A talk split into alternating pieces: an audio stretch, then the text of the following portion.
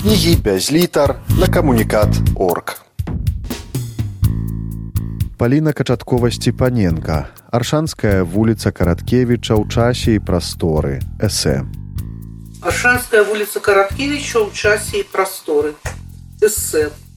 Э, Читаю я его 7 соковика 2021 года, так само на улице Короткевича в доме 19. А говорить мы будем про дом Короткевича, який теперь по улице Короткевича 10. Гэта дополненная версия тексту Орша вулицы Короткевича, якая друкавалася у номеры 4 за 2020 год. Часопис «Одесслов». Частка первая. Теплый дом. Дом на улице Короткевича Орши, 10. В этом доме Владимир Короткевич написал первый вариант дикого полявания короля Стаха и шмат вершаў. Драўляны дом, пабудаваны ў 1946 годзе, калі вуліца мела назву Варашылава. Пазней космонавтаў, а цяпер Караткевича. Тут жыў в доме. Адразу пасля вайны ў доме жылі маці Владимира Караткевича Надея Васильевна, бацька Семен Тимофеевич, сестра Наталья, сам Владимир Караткевич і пляменніца Раіса, дачка старэйшага брата Валерія, які загінуў на фронте. У 1959 годзе памёр бацька Владимира Караткевича. У 67 годзе маці пераехала да Владимира Караткевича ў Мінск. Пляменніца Владимира Караткевича Раіса, якую ў дзяцінстве звалі Ляля, на спа- спартовых спаборніцах пад Адэсай пазнаёмілася з Юрыем Барабашам. Яны жаніліся, у іх нарадзілася двое дзяцей, сын і дачка. Апошнімі гаспадарамі дома былі пляменніца Караткевича Раіса і яе муж Юры Барабаш. Пасля смерці Раісы Юры Барабаш жыў у доме адзін, памёр у 15 годзе, дом апусціў і перайшоў у спадчыну дачцы Барабаша Ірыне, якая прадала яго уладальніку сетку краму пяты элемент Андрею Балабіну. Дом Караткевича ускладзены руками бацькі пісьменніка ў 46 годзе. Даваенны дом быў разбураны, сям'я не мела свайго жытла, вярнуўшыся з эвакуацыі, гэты дом быў сапраўдным выратаваннем. Горад у цемры. Роман нельга забыць, ці Леониды не вернуцца да зямлі. Кніга Дзёрша апісаная з фотаграфічнай дакладнасцю, хаця большая частка дзеяння адбываецца ў Маскве. Бацькоўскі дом таксама падрабязна апісаны ў рамане. На ягоны тэкст варта арыентавацца, наведваючы воршу і вуліцу Караткевічу. Твор мае на- падназоў. Раман амаль што сентыментальны. Першы раз ён быў надрукаваны ў часопісе полымя у 62 годзе пад назвай Леониды не вернуцца на зямлю. Галоўны герой раману, амаль што сентыментальнага, прыязджае з Масквы у родны горад, які ў рамане мае назву востраў. Горад востраў цалкам адпавядае Оршы. Горад пазнавальны ў дэталях, пачынаючы ад прывакзальнай плошчы да вуліцы, па якой героя Караткевіча, на якой героя Караткевіча сустракае маці. Вось фрагмент рамана, які апісвае прыбыццё героя ў востраў Оршу, у цёплы дом. Гарбаты віадук перакінуўся цераз пуці ад агнём станцыі кудысьці ў цемру. У цемры глухпага шапацелі галіны таполяў і рэдкімі жоўтымі кроплямі агнёў, што заблыталіся. На маленькай плошчы за віадукам. Толькі ў адным акне аўтобуснай станцыі ледзь свяціўся цьмяны агеньчык. Ён ішоў вулкаю прадмесце, паўсонныя дамы ў захмараных дамах. Вуліца адным канцом упіралася ў галоўную вуліцу, другім Дняпро. Ён ішоў вельмі павольна, здзіўляючыся, як кожны раз, якімі маленькімі сталі дамы, якімі высокімі ў параўнанні з імі сады. Яшчэ здалёк, за чатыры хаты, пачуў схваляваны радасна залесны брэх куртатага топса, калі ён штурхануў фортку і прайшоў алейкую даганка. У адным акне загарэлася святло. Маці пачула брэх, адразу ўсё зразумела і ўстала. Ён не паспеў нават пазваніць, як дзверы адчыніліся. Маці стаяла перад ім пуховай хусціне, накінутай на плечы. Ён пераступіў парог. Позна ўвечары, засынаючы ў сваім пакойчыку, ён доўга слухаў подыхі начнога ветру, сачуў, як святло вулічнага ліхтара цьмяна скача паміж яблый пахаваных у снезе. Гэта была радзіма, роднае гняздо, тое, што нельга ўзяць ад чалавека хіба толькі радам за жыццём. Ён змежыў вочы і ў зіхні цені вогненных плям паплылі перад ім абліччы. Яны таксама былі радзімы.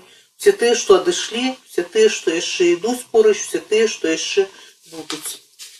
На сёння захаваўся дом, дзе герой Караткевіча бачыў прарочыя сны, панадворак алейка дзе сустракае маці захаваліся і ліпы шум у голях якіх слухаў караткевич вуліца захавалася і кожны цікаўны прыхільнік творчасці можа прайсці маршрутам героя романа амаль што сентиментальнага нельга забыць альбо леаніды не вернуцца да зямлі варта толькі прыехаць горш лялька цар ірак лялька цар ірак самы загадкавы прадмет у наборы рэчаў у своеасаблівым рэлікварыі які паказвае маці галоўнаму герою владимира караткевича нельга забыць альбо леаніды не вернуцца да зямлі андрею паводле сюжэту лялька цар ірад адзіная рэч якую прабабка героя жонка пакаранага смерцю паўстанца 1863 года павезла ў высылку ў сібір на кудрачцы ляжаў нейкі пажаўцелы рукапіс некалькі дагератыпаў і фотокартак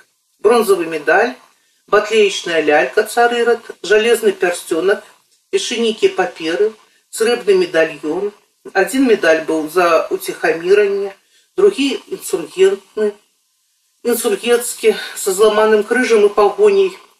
Неяк дзіўна было браць іх рукі, пацямнелыя сведкі даўніх страсцей, якія нікога зараз ужо не абыходзілі. А вось гэта добра, сказала маці, трымаючы на рацэ на руцэ распяленага цара ірада. Гэта была адзіная рэч, якую твоя прабабка павезла ў Сібір.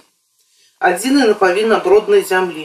Ірад тапырыўся на яе руцэ зласліва з чорнымі вусамі, што амаль вылезлі выцэлай царскай вопратцы. Ён варушыў рукамі і схіляў галаву. Яго ледзь не адабралі ў тваю прабабкі. Нейкі дурань з чыгуннымі мазгамі палічыў, што гэта антыдзяржаўны намёк. Яна наблізіла ірада да сябе і зараз глядзела яму проста ў шкляныя вочы. Ірад замахнуўся на яе рукой. Бачце, які злосны. Маці раптам зусім па-маладому засмяялася.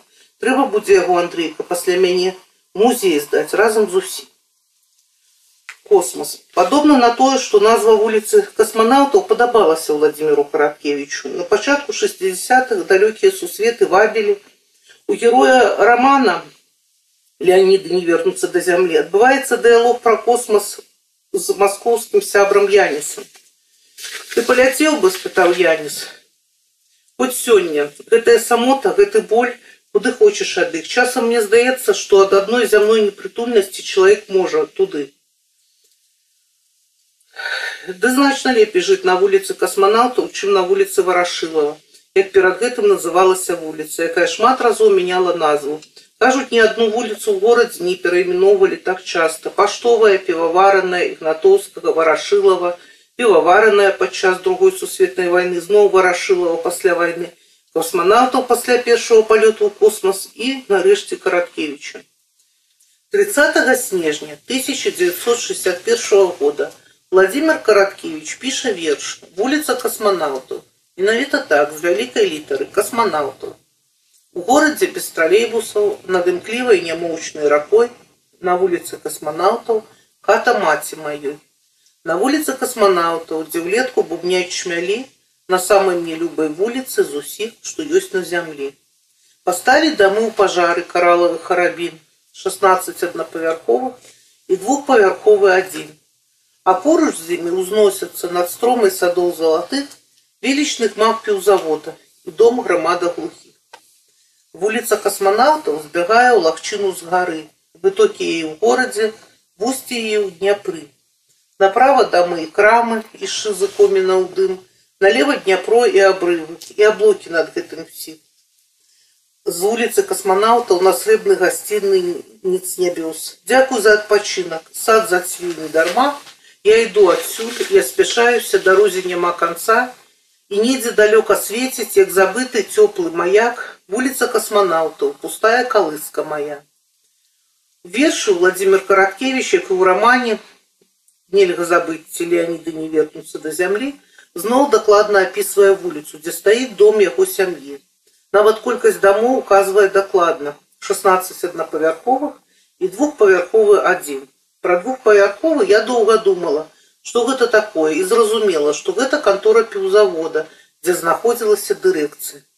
Цяпер на верхняй частцы вуліцы караткевічу оршы захаваліся толькі тры старыя прыватныя дамы.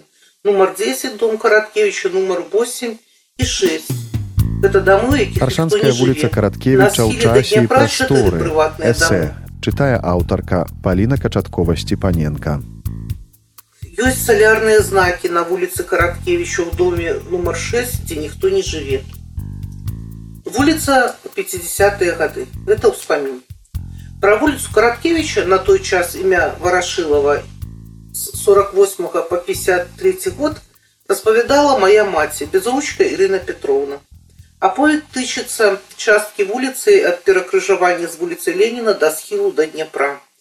Пра частку вуліцы, якая на схіле, асобны аповед. Перакрыжаванне сучасных вуліц Ленін і Караткевіча. Раней тут былі дамы і гароды. Гаворыць Ірына безручна. Поворот до першай школы. Там стаяла колонка, да якой мы ходили по ваду. Потым стаяў драўляны будынак, частка з якога была двухпавярховая, частка аднапавярховая. У гады майго дзяцінства ў частцы будынка знаходзіўся рэстаран, а частка кантора ваенгандлю. Пэўны час там была майстэрня па пашыве адзення. Мне там пашылі дзіцячае паліто. Там таксама жылі некаторыя супрацоўнікі ваенгандлю, напрыклад, чытарыкіны. За будынкам было пустое месца. Гэтае пустое месца працягвалася да Леніна. Да таго дому, дзе жылі мы пасля вайны, пакуль не пабудавалі свой дом на беразе Дняпра. Дом, дзе мы жылі пасля вайны, габрэйскі дом на дзве паловы з параднымі выхадамі на вуліцу, якія на той час былі зачыненыя. І ў адну частку дома вярнулася сям'я, якая павінна была там жыць, Аронавы, а гаспадары другой паловы напэўна не выжылі гэтая палова дома была дзяржаўная і дзяржава выкарыстоўвала палову дома мы там жылі пэўны час яшчэ з адной сям'ёй там была была вельмі вялікая кухня і два пакоі кухня адным бокам выходзіла на вуліцу леніна там быў зачынены парадны ўваход а другім бокам у двор цырульня якая стаяла паміж ваенгандлем і домам з'явілася пазней З'явіўся невялікі будынак, у якім рамантавалі абутак і месцілася цырульня. Але гэта было не адразу пасля вайны, а пазней. Потым быў дом, які дзвюмя вокнамі выходзіў на Леніна. Ён стаяў не ўздоўж, а ў поперак, звычайны прыватны аршанскі дом. А потым быў дом, дзе было шмат людзей, дзяцей, барак. Там людзі атрымлівалі пакоі для жытла, а потым піўзавод. Памятаю дом лосев, гэта была інтэлігенцыя, лосю настаўнік. Потым жылі спадабаевы, таксама настаўнікі. Быў дом, дзе жыла рудая жанчына, у гады майго дзяцінства яе былі індыкі з грабянямі страшныя, яны выходзілі на вуліцу і былі вельмі страшныя. Потым былі бакуневічы ці бакуновічы. Таксама дом стары стаяў. Гэта ўсё з гэтага боку паміж сучасным радзільным домам і сучаснай вуліцай Леніна.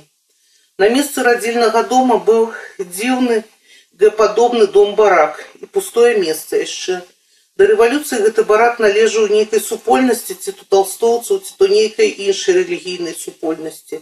А ў гады майго дзяцінства там людзі проста атрымлівалі жытло. Там жыла моя сяброўка валя, калі была маленькай дзяўчынкай, пакуль яны не пабудавалі свой дом за дняпром. Яна распавядала, што там былі вялікія глыбокія сутарэнні. А прастора была гэпадобнай і другая палова барака падыходзіла да стадыёна.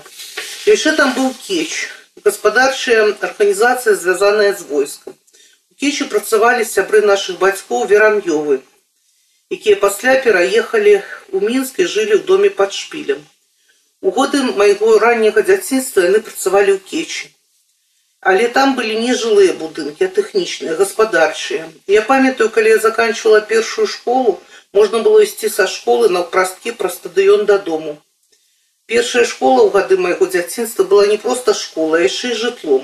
Там жыў дырэктар школы чарняк, які быў сябрам майго таты высокі вясёлы кучаравы мужчына. Калі я была зусім маленькая, яны жылі ў самой школе. І там жа была нейкая невялікая крама. У цагляны будынак, дзе быў тады суд, прывозілі злачынцаў і незлачынцаў. Гэта быў дзеючы суд. А яшчэ там быў дом Трусевіча, рэпрэсаванага святара. І да дома была прылепленая прыбудова. У ёй жыла жанчына, у якой была каза.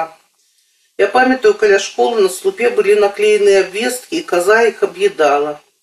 А яшчэ каля гэтага дому быў бэс, і ў зарасніку бэзу валун. Ён падзяляў наш гарод і іх. Гарод гэтага дому ішоў да Дняпра некалі, калі я была маленькая, пайшла гародамі да Дняпра, гарод наш, гарод трусевічым потым я могла прайсці на прасткі не было тады школьнага стадыёна былі гароды без агароджы і так я прайшла так дайшла да ракі а рабіла я так не аднойчы раз правалілася ў ваду і прамачыла валёнкі на месцы нашага будучага дома былі акопы на схіле дом ральцевічу сын старэйшы які стаў вядомым мастаком графікам вуліца 60 гады Про улицы имя Владимира Короткевича Ворши на той час космонавтов початок 60-х распавядае Людмила Безлучка, моя родная тетка. А поет тыщется частки в улице от перакрыжавання з вуліцы Марата до Ленина и от Ленина до схілу до Днепра. Цяпер у верхняй частцы вуліцы Караткевіча Воршы захавалася толькі тры прыватныя дамы. Гаворыць Людмила Бязлучка. На початку 60-х на нашей улице было шпант наставников вуліца настаўнікаў. На рагу вуліц Марата і цяперашняй караткевіча месціўся маленькі дамок, якім жыла сталага ўзросту жанчына Саковіч. Была і настаўніца, памятаю, да яе яшчэ ўнучкі прыязджалі. Пасля дом караткевіча, з гэтага дому я памятаю яго маладую пляменніцу, якую усе звалі ляля. А пасля ішоў дом, які цяпер купіў разам дому караткевіча прадпрымальнік з пятага элемента. Там жила семья Беразы. Это был медык, мамин калега, і он таксама ў санстанцыі працаваў. У яго была жонка і дачка, якая недзе жыла ў Маскве. І калі Бераза памёр, жонка пераехала да дачкі. Наступны дом быў цётак Эдзіка Алейнікава, майго аднакласніка. А за іх домам быў дамок званкоўскіх, мужа і жонкі. У іх быў вельмі добры кветнік.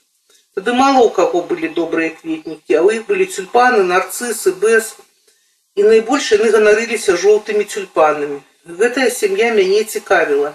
Яны вылучаліся на фоне іншых, была вельмі, былі вельмі інтэлігентныя людзі. Ужо не працавалі і ён і яна і выглядалі неяк інакш, вельмі культурныя. А за іх домам адразу ішоў піўзавод. Піўзавод знёс іх дом. Піўзавод планаваў пашырацца, а потым так і не пашырыўся. Планавалі спачатку ўсю верхнюю частку вуліцу зносіць, але спыніліся на дамку званкоўскіх. А калі перайсці на другі бок ад піўзавода, дзе да апошняга часу захоўваліся вялікія тоўстыя бярозы, якія ўжо спілавалі, там быў куст бэза, які таксама доўга знішчалі і вынішчылі. Гэтыя бярозы раслі каля дома Лосева. Лосев быў настаўнік матэматыкі, карэнні ў яго былі з дуброўна. Жонка, у яго памерла, засталіся дзве дачкі, Одна з іх скончыла жыццё самагубствам. Яна вучылася ці то ў Маскве, ці то ў Ленінградзе. Была вельмі модная прыгожая дзяўчына. Пасля лосевых жылі спадабаевы. Ён быў настаўнікам біялогіі ў сёмай школе. У яго ў доме быў асобны пакой увесь кветках. У іх была вялікая сям'я, сем дзяцей. Маці ў іх таксама мела настаўніцкую адукацыю, але не працавала. Карову яны трывалі, пасвілі на беразе. Пра карову быў артыкул у газеце Ленінскі прызыў что по беразе Днепра ходзіць безнадзорная жывёліна. У нейкага мужчыны яна зжывала адзенне. За домом спадабаевых быў дом рудой алачкі. У ей было шмат коз. Наступны дом згадваю к сне. Там жылі ці то бакуновичі, ці то бакуневічы. Быў яшчэ дамок у глыбіні, ад якога на тэрыторыі радзільнага дома засталіся яблыні. Там жыла жанчына з сынам. Потым пусташ, потым барак а стайня каля стадыёна была ў выглядзе руінаў. Коробка цагляная стаяла на схіле гары дом Ральцевічу. Наступная частка Владимир Караткевич и Черный опель. 27 кастрычника 2020 года я вышла в улицу, Ворши на улицу имя Владимира Караткевича и спытала у соседа Олега Соловьева, ці бачу ён живого Караткевича. А ён кажа, ён мяне на черном опеле катал на початку 60-х в этом домику, где цяпер шырлячка, был и ёсць гараж. А ў гаражы стаяў чорны опель. І ён Караткевич. Нормальны такі, показал высокі рост.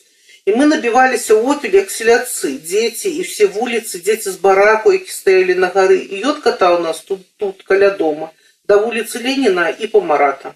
Заўсёды чыстого пячэннем, цукеркамі, а пасля караткевич з'ехаў і опель пастаяў яшчэ пару гадоў і таксама знік олег своеасаблівы гісторык ці міфатворца вуліцы караткевічу воршы гісторыя выглядае казка мара як гарадская легенда Гісторыя пра опель кажуць, што караткевіч не мог кіраваць аўто, хаця ў аповедзе гаворка вядзецца менавіта пра невялікую адлегласць перад домам на паўпустой вуліцы пачатку 60-х. Але на гісторыю пра чорны опель у Владзіміра Караткевіча адгукнуўся Александр Куляю, які жыў у той час у Оршы і шмат ведае пра гісторыю штодзённасці горада. Пра чорны опель, сказаў Александр Куляев, магу дадаць наступнае. У Оршы сапраўды ў 48 годзе з'явіўся раскошны опель адмірал чорнага колеру. Аршанскі райком камсамола быў прызнаны лепшай арганізацыяй сярод камсамольскіх рэспубліцы. Мой бацька быў той час першым сакратаром гаркама камсамола і быў узнагароджаны ордэнам працоўнага чырвонага сцяга, а гаркам атрымаў чорнага опеля. Як звычайна ў той час аўто было з гісторыі, казалі, што з гаража гаўляе таракуба. 44 на ім ездзіў вазілі па намарынку, а потым перадалі сакратару ЦК ЛКСМБ, а ў 49 годзе оршу. Да пачатку 60-х гадоў аўтамабіль быў на балансе гаража гаркама партыі. Затым быў спісаны, яго выкупіў кіроўца, які жыў дарэчы ў раёне Марата і, здаецца, даводзіўся караткевічу нават сваякоў. Так што вельмі верагодна, што ён катаў і караткевіча і дзяцей. Потым машына змяніла некалькі ўладальнікаў. У канцы 70-х я купіў бацька маёй вучаніцы валі сапелевай. Там мотор стаяў ужо ад газ-53. Іншая скрынка была шумна, хуткасць максімальная 120. Такі канец гістарычнай машыны. Моя мама Ірына Безручка, якая ў 44 -го года нараджэння і жыла на той жа вуліцы, якая цяпер мае імя Владимира Караткевича, гаворыць, што гісторыя падобная на праўду. Пасля вайны ў Оршы было вельмі шмат трафейных машын, а на пачатку 60-х в горадзе стаялі ўжо рэшткі гэтых машын. Напрыклад, каля першай школы, дзе была аўташкола, стаяў кузаў трафейнай машыны. Дарэчы, падобная машына апісана ў рамане нельга забыць, ці Леаніды не вернуцца да зямлі. На машыне падобнай на опель. Галоўны герой разам з нявестай алёнкай і сваяком палкоўнікам, які сядзіць на месцы кіроўца, трапляў смяротную аварыю на шашы каля моста праз раку бобр. Наш сусед Олег Соловьев жыве на вуліцы спачатку 60-х. В той час якраз вуліцу перайменоўвалі ў чарговы раз. Замест вуліцы Варашылава она стала вуліцай касманаўту. Олег Соловьев распавядае пра тое, як на пачатку 60-х дзеці з вуліцы хадзілі з караткевічам глядзець на Дняпро. Давід аршанскай медытацыі. Олег Соловьев кажа, што калі спускаліся з гары, то караткевич ішоў пасярэдзіне, а дзеці вакол яго ішлі натоўпам, як зайчыкі так і сказаў як зайчыкі дзяцей на вуліцы было шмат бо на гары стаяў барак якога даўно няма і там жыло шмат дзяцей на бераг хадзілі і проста глядзець на дняпро і купацца на беразе сядзелі на лодках навязаных ля берага глядзелі на ваду і на самалёты якія ляцелі з балбасава а самалёты ляцелі так нізка што быў бачны твар пілота купаліся каля камня Это вялікі чырвоны валун, які памятае шмат пакаленняў аршанцаў з верхам, які ўздымаецца над вадой як панцыр чарапахі. Ныралі з камня. І караткевич казаў дзецям, каб далей за камень не заплывалі, а яшчэ сварыўся, калі бачыў, што дзеці кідаюць смецці на беразе, панцікі ад цукерак і марозіва. Затхонуў на дняпроўскі лёд. У рамане нельга забыць Владимир Караткевич с фотографічнай дакладнасцю адлюстроўваў рэаліі рэльеф вуліцы касманаўтаў цяпер караткевичу все што апісана ў рамане захавалася галоўны герой Андрей грынкевич прыязджае ў родны горад каб взять паузу ў складаных адносінах з жанчынай паглыбіцца ў творчы працэс на тле трагічнага кахання і вось фрагмент романа нельга забыць альбо леаніды не вернуцца да зямлі які апісвае вуліцу і адхон дняпра і пераезд на лыжах з правага боку Днепра на левы. Тут апісаны рэльеф вуліцы, якая збягае да самага Днепра з гары. Уставаў 6 гадзін раніцы, калі ў гарадку гарэлі толькі рэдкія агні, і ранішні снег вішчэў пад лыжамі. За адхону да дняпроўскі лёд, потым на стромы адхон процілеглага берага. Праз 10 хвілін ужо не хочацца спаць, знікае некуды свінцовы цяжар стомы, Лыжы бягуць па зарэчных палях, перасякаючы ваўчыныя сляды і хітрыя зайцавыя петлі. Вялікі круг на поўнай хуткасці, потым імпэтны, як падзенне палёт дном яра, Мелькают хмызы над головой, можно спыниться и умыться пякучей мягкой водой с полонки, але только на хвилину, не больше. Герой прыязджае ў оршу, каб напісаць сцэнар, аповесці п'есу і все гэта за 38 дзён. Ему спрыяюць моцная кава і лыжныя прабежкі на левым беразе Днепра. Снядание з моцнай кавай, кофейник на огни, вельмі солодкая вода яшчэ не пачынае кипеть, только дробнютные бурбалки возникают на самых краях поверхни. Кава у столовой лыжцы с каптуром. И она пахнет так, что прочнулся бы мертвый. Где шклянки воды, лыжка, другая, третья. С того боку, где огонь больше, поверхня начинает вздыматься полмесяцем, выплывать на остатние, абы не перакипела, хопить. Адам Мальзес у кнізе жыццё і ўзнясенне Владимира Караткевича згадвае, як сябры наведвалі 29 кастрычніка 83 -го года ўжо вельмі нездаровага пісьменніка. Было гэта ў тым самым доме на вуліцы касманаўтаў. У 1983 годзе 28 лютага у адзін дзень памірае жонка Караткевича Валянціна і Людміла любимая цётка Евгения, якая жыла ў Киеве. І ў стане нервовага зрыву Караткевич прыязджае в Орша. Адам Мальцев в кнізе «Жыццё і ўзнясення Владимира Караткевича згадвае. Летом Владимиру Караткевичу крыху полепшало.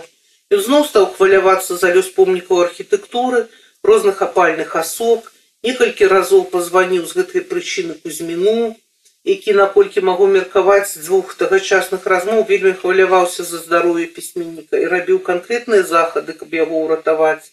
Спробы часам нават адчайныя ўратаваць валодзю ад дэпрэсіі рабілі і мы, ягоныя сябры. Але вынікі былі толькі часовыя. І тут Наталья Семёновна, сестра пісьменніка, рашыла, што яму трэба змяніць асяроддзе і паехаць у Оршу, дзе жыла яго пляменніца Ляля і яе муж Юра. На радзіме здавалася, хворы павінен акрыяць. 29 кастрычніка разам з Нінай Владимировнай Адамчык, Галінай Львоўнай Кіселёвай, лекаркай з бальніцай і дачкой Наталі Семёновны Надзей я наведаў володю Ворш.